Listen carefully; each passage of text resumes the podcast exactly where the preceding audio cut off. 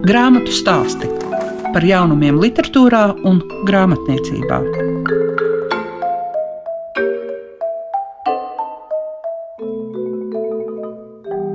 Savu skanējumu sāk grāmatu stāsti tradicionālā laikā, un šoreiz dosim vārdu tikai kungiem. Guntis Tālers uzrakstīs kārtējo detektīvu romānu, kur atminējums būs visai sarežģīts un neparasts. Nosaukums grāmatai Sesdienas kungs. Varat gatavoties gana bieziem pārdzīvojumiem. Savukārt par Andrusa Kivirehka lidojums uz mēnesi stāstīs mūsu mīļais dzinieks, atzījotājs un tulkotājs Gunārs Kodiņš. Viņam ir bezgala daudz ko teikt gan par Andrusu Kiverehku, gan arī par citām ar literatūru saistītām lietām. Grāmatu stāsti programmā Klasika.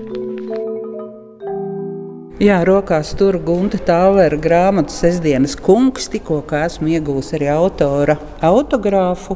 Un uh, Gunti, ar ko detektīvu un krimināla romāni ir pārāki par pārējiem? Par kriminālu romāniem es varbūt tā neizteikšos tā dziļāk, jo es vairāk cenšos tos detektīvu elementus savos vēstījumos iepīt.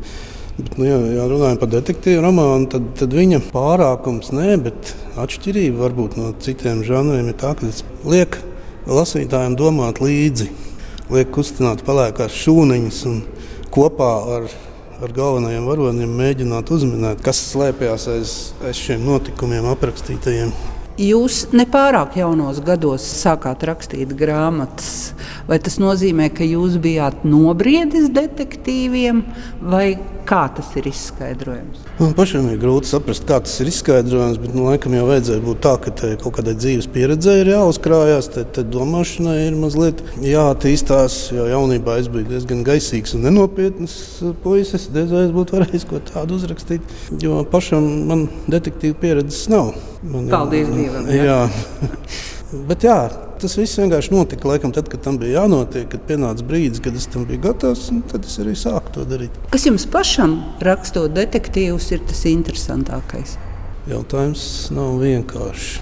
Tur ir ļoti daudz interesantu momentu. Pats šis process, jo es esmu mazliet arī jurists un mazliet arī grāmatvedis.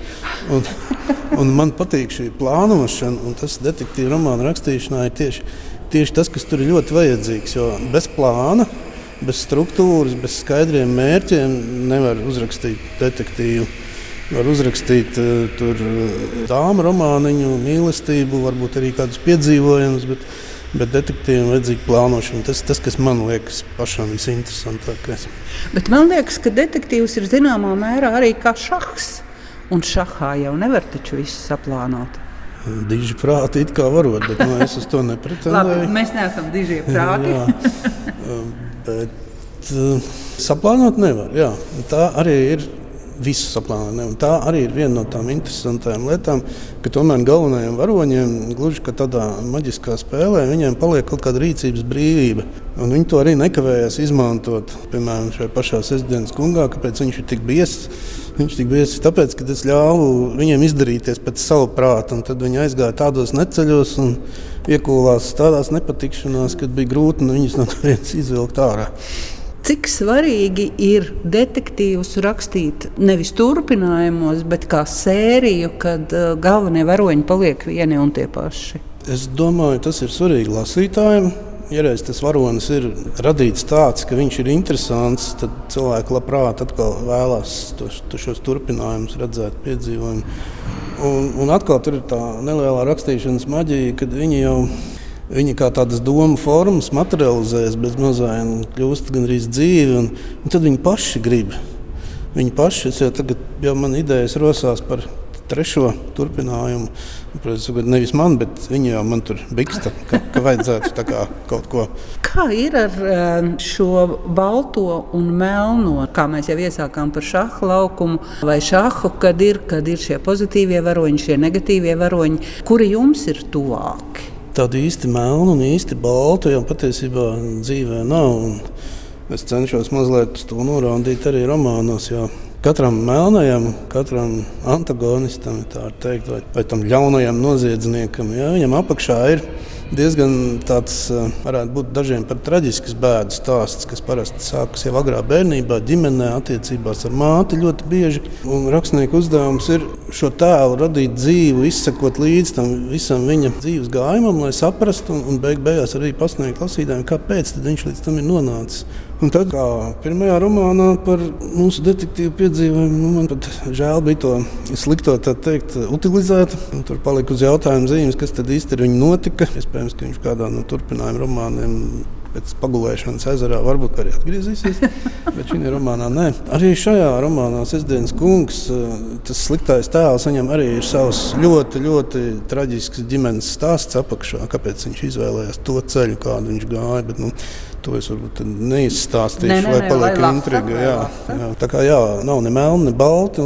Arī baltajiem ir savas visādas vājības un netikumi. Savukārt melnajiem ir reizēm šiem antagonistiem, nu, ka viņu liktenis pat ir tāds, ka ir viņu žēl pašam rakstot to visu. Jūs esat ātrrakstītājs. Jā. Ar ko tas izskaidrojams? Tas? Jūs izteigājat un galvā visu izdomājat? Nē, tur atkal jāpiemina tā pati maģija rakstīšanas. Bieži vien apsēžoties pie tās baltās lapas, pie datora ekrāna tukšā. Nu, ir apmēram skaidrs tas plāniņš jau galvā. Bet eh, kas tieši notiks, kā skanēs dialogi, viņi atnāk tajā brīdī, kad raksta. Un ir jāpaspēj pierakstīt, tāpēc nekas cits neatliek, kā rakstīt ātri. Jūs ar roku arī rakstītu? Nē, problēma ir tā, ka to, ko es esmu rakstījis ar roku, es pēc tam pats nevaru izlasīt. Kā, nu, es, diezgan ātri rakstu uz datora. Es pat, ja esmu labā formā, varu stenografēt protokolus, sēdes. Tā kā tas galveno varoņu, ko viņi tur man galvā runā, es paspēju pierakstīt. Jūs esat tukumnieks. Mums tagad jāpiemina tukums saistībā ar UNESCO un uh, lasīšanu. Kā tas ir no jūsu skatu punkta un kā jūs arī kā kopā to radījāt? Tukuma literāta apvienība.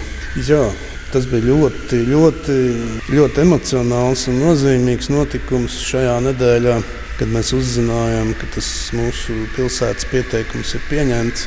Tukums kā literatūras pilsēta, UNESCO radošo pilsētu tīklā. Šajā tīklā literatūras pilsēta nemaz nav tik daudz. Tur ir kaut kur starp 40 un 50 Un, un kā par brīnumu, tur nav pat tādas milzīgas citadeles, kā Parīze, piemēram, Viktors Hugo. Nav Parīze, nav Roma, nav Londona, bet ir tukums. Un tas ir bezgalīgi liels lepnums arī man, kā rakstniekam, no tukuma iekļauties tajā garajā prozas un dzīslas autora virknē, kas ir sākusies jau pirms 400 gadiem ar pirmajiem literāriem tekstiem latviešu valodā, kas tapu tieši tukumā Kristofors Fīrekers.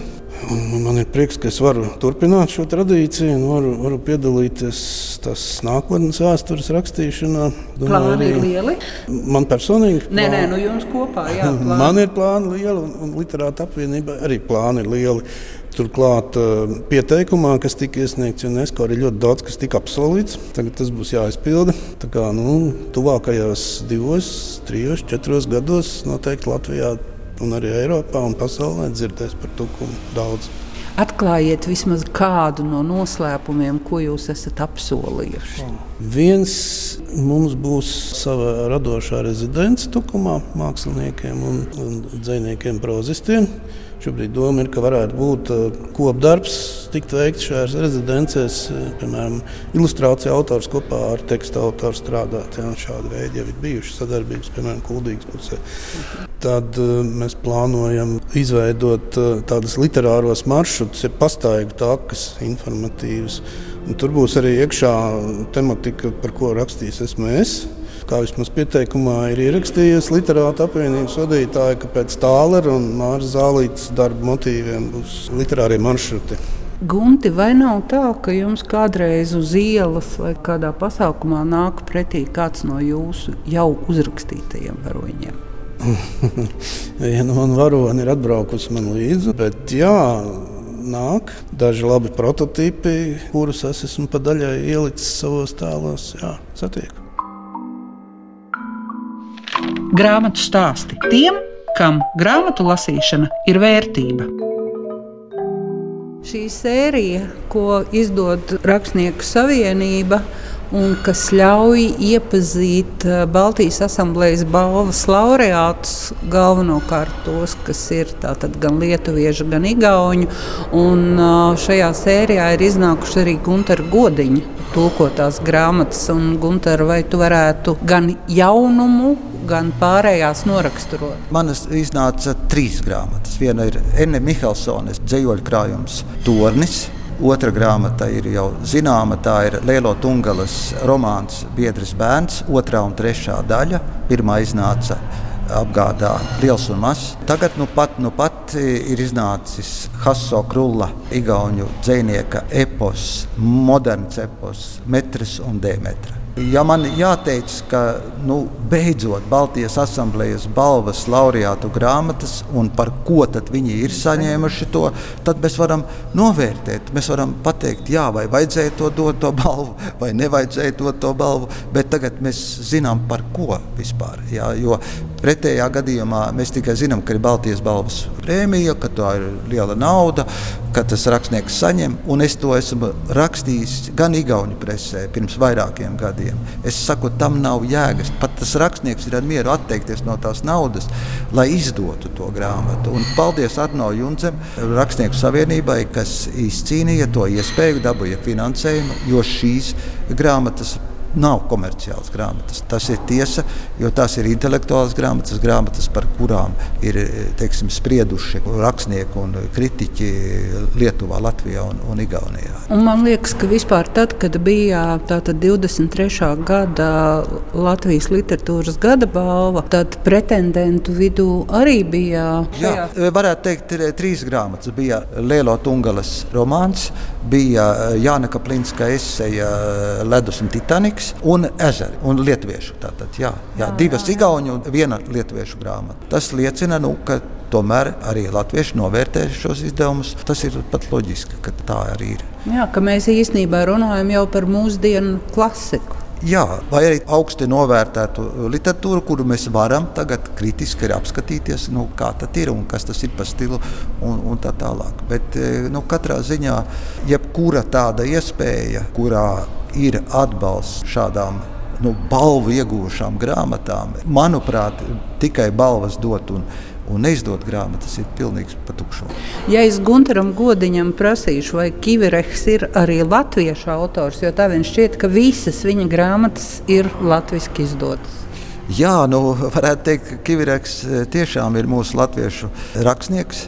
Nu, varbūt pavisam nedaudz grāmatu, kas nav latviešu. Nu, pat, nu, pat tātad, eh, izdevniecībā Pētergaļas iznācis viņa, nu, manuprāt, eh, viens no tādiem spožākiem romāniem, vismaz man, lidojums uz mēnesi. Šis romāns arī ir savā ziņā seriāls, un man pēc seriālista grāmatu, kad es pabeidzu, tad šis romāns arī man turpināja šo seriālo dzīvi dzīvi. Es gan tūkoju, gan smējos, gan nevarēju patulkot, jo tur ir viss kopā. Varētu teikt, dziļš romāns. Neskatoties uz to, ka tur ir daudz humora, daudz kaut kādas satīras, paradoksu, kaut kas neiedomājams, fantāzijas. Visi žanri var teikt tādā. Un arī pie tam vēl pamatā, kā ierosme, varētu teikt, Ukrāņu pasaka gaisa kuģis. Kivireks ir tas, kas spēja no teksta, kas varbūt ir bijis, no tām domām, kas ir bijušas, no tās fantāzijas, kas varbūt arī mums ir bijušas, uztaisīt vienu kompaktu romānu. Un tas romāns arī daudz ko pasaka. Tur ir dabas aizsardzība, tur ir neiedomājamās iespējas mūsu literatūras zinātniekiem būtībā šo romānu analizēt. Es tur redzu ļoti daudz slāņu, kā arī rakstnieks to izveido.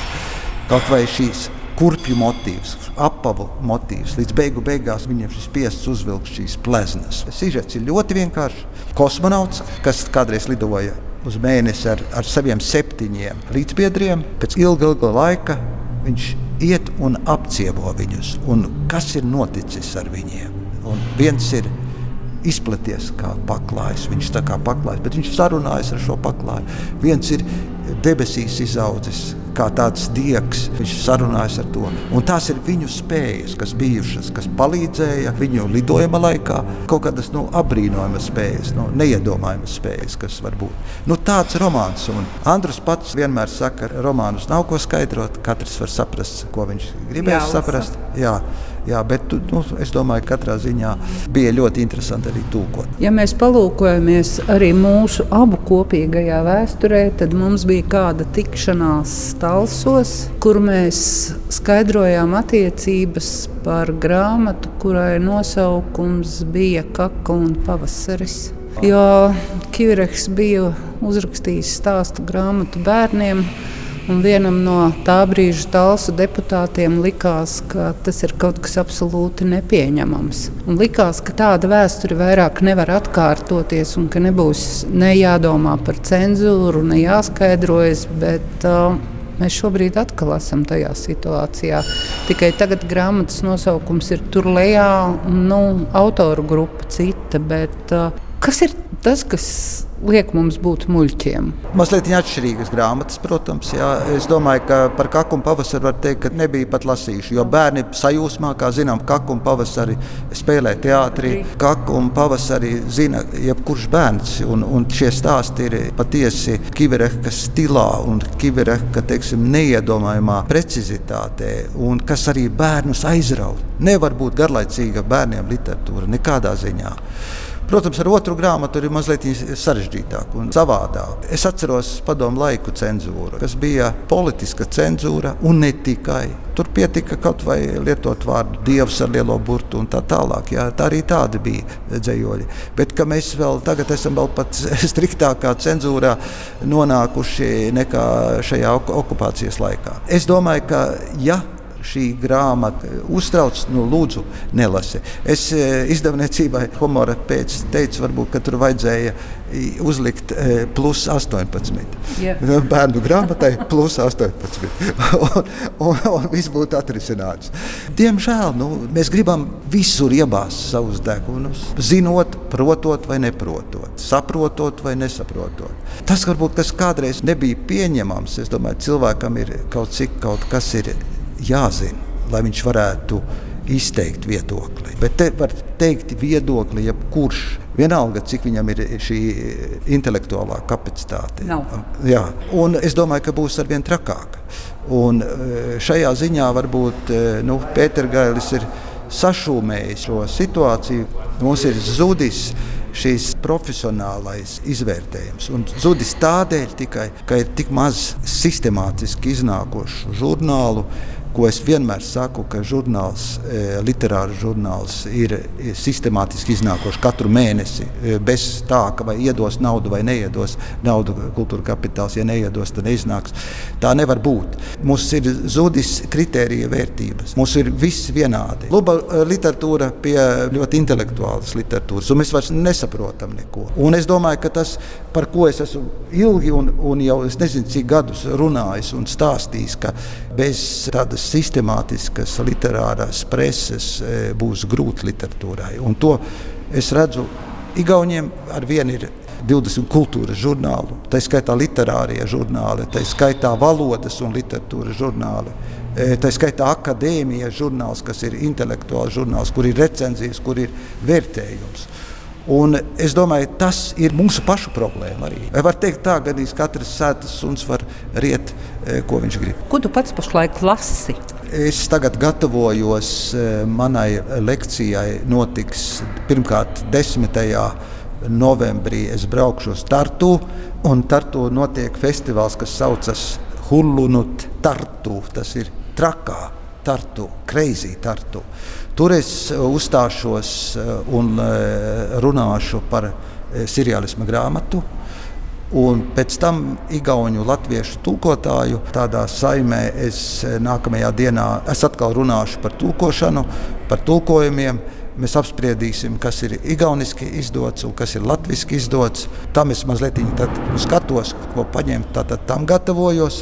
Nu, sācis esmu jau šo to arī tulkot vienu romānu, bet man ir vairākas arī ieceres, un viena no iecerēm ir arī izdot igauņu mūsdienu dzīslu antoloģiju. Ja tagad, pateicoties kontram, ir iznākusi antoloģija, šī introverto balle, kurā ir latviešu dzinieki, dzīslas izlase, tad es gribētu tagad parādīt tos ekstravertos igauņus. Varbūt jāraksta ekstravertā balli no Igaunijas puses. Un tie arī būs tātad, sākot no tādiem vidējiem gadiem un ejot uz vairāk un, un izdodot jaunos. Nu, ieceru daudz, un ir arī vēl citas grāmatas izskan grāmatu stāsti. Šodien dzirdējāt Gunti Tāleru. Viņš vēstīja gan par sestdienas kungu, detektīvu romānu, gan arī par to, kādi prieki mums visiem sagaidāmi tukumā. Savukārt Gunters Godiņš raksturoja Andrusa Kiverehka lidojumu uz mēnesi un pievērsās vēl dažām citai, varbūt kutelīgākai vai būtībā ļoti nopietnai tēmai, kas saistīta ar mūsu domāšanu un mūsu spriestspējām. Visu labu līdz citai reizei jums saka Lieka Piešiņa.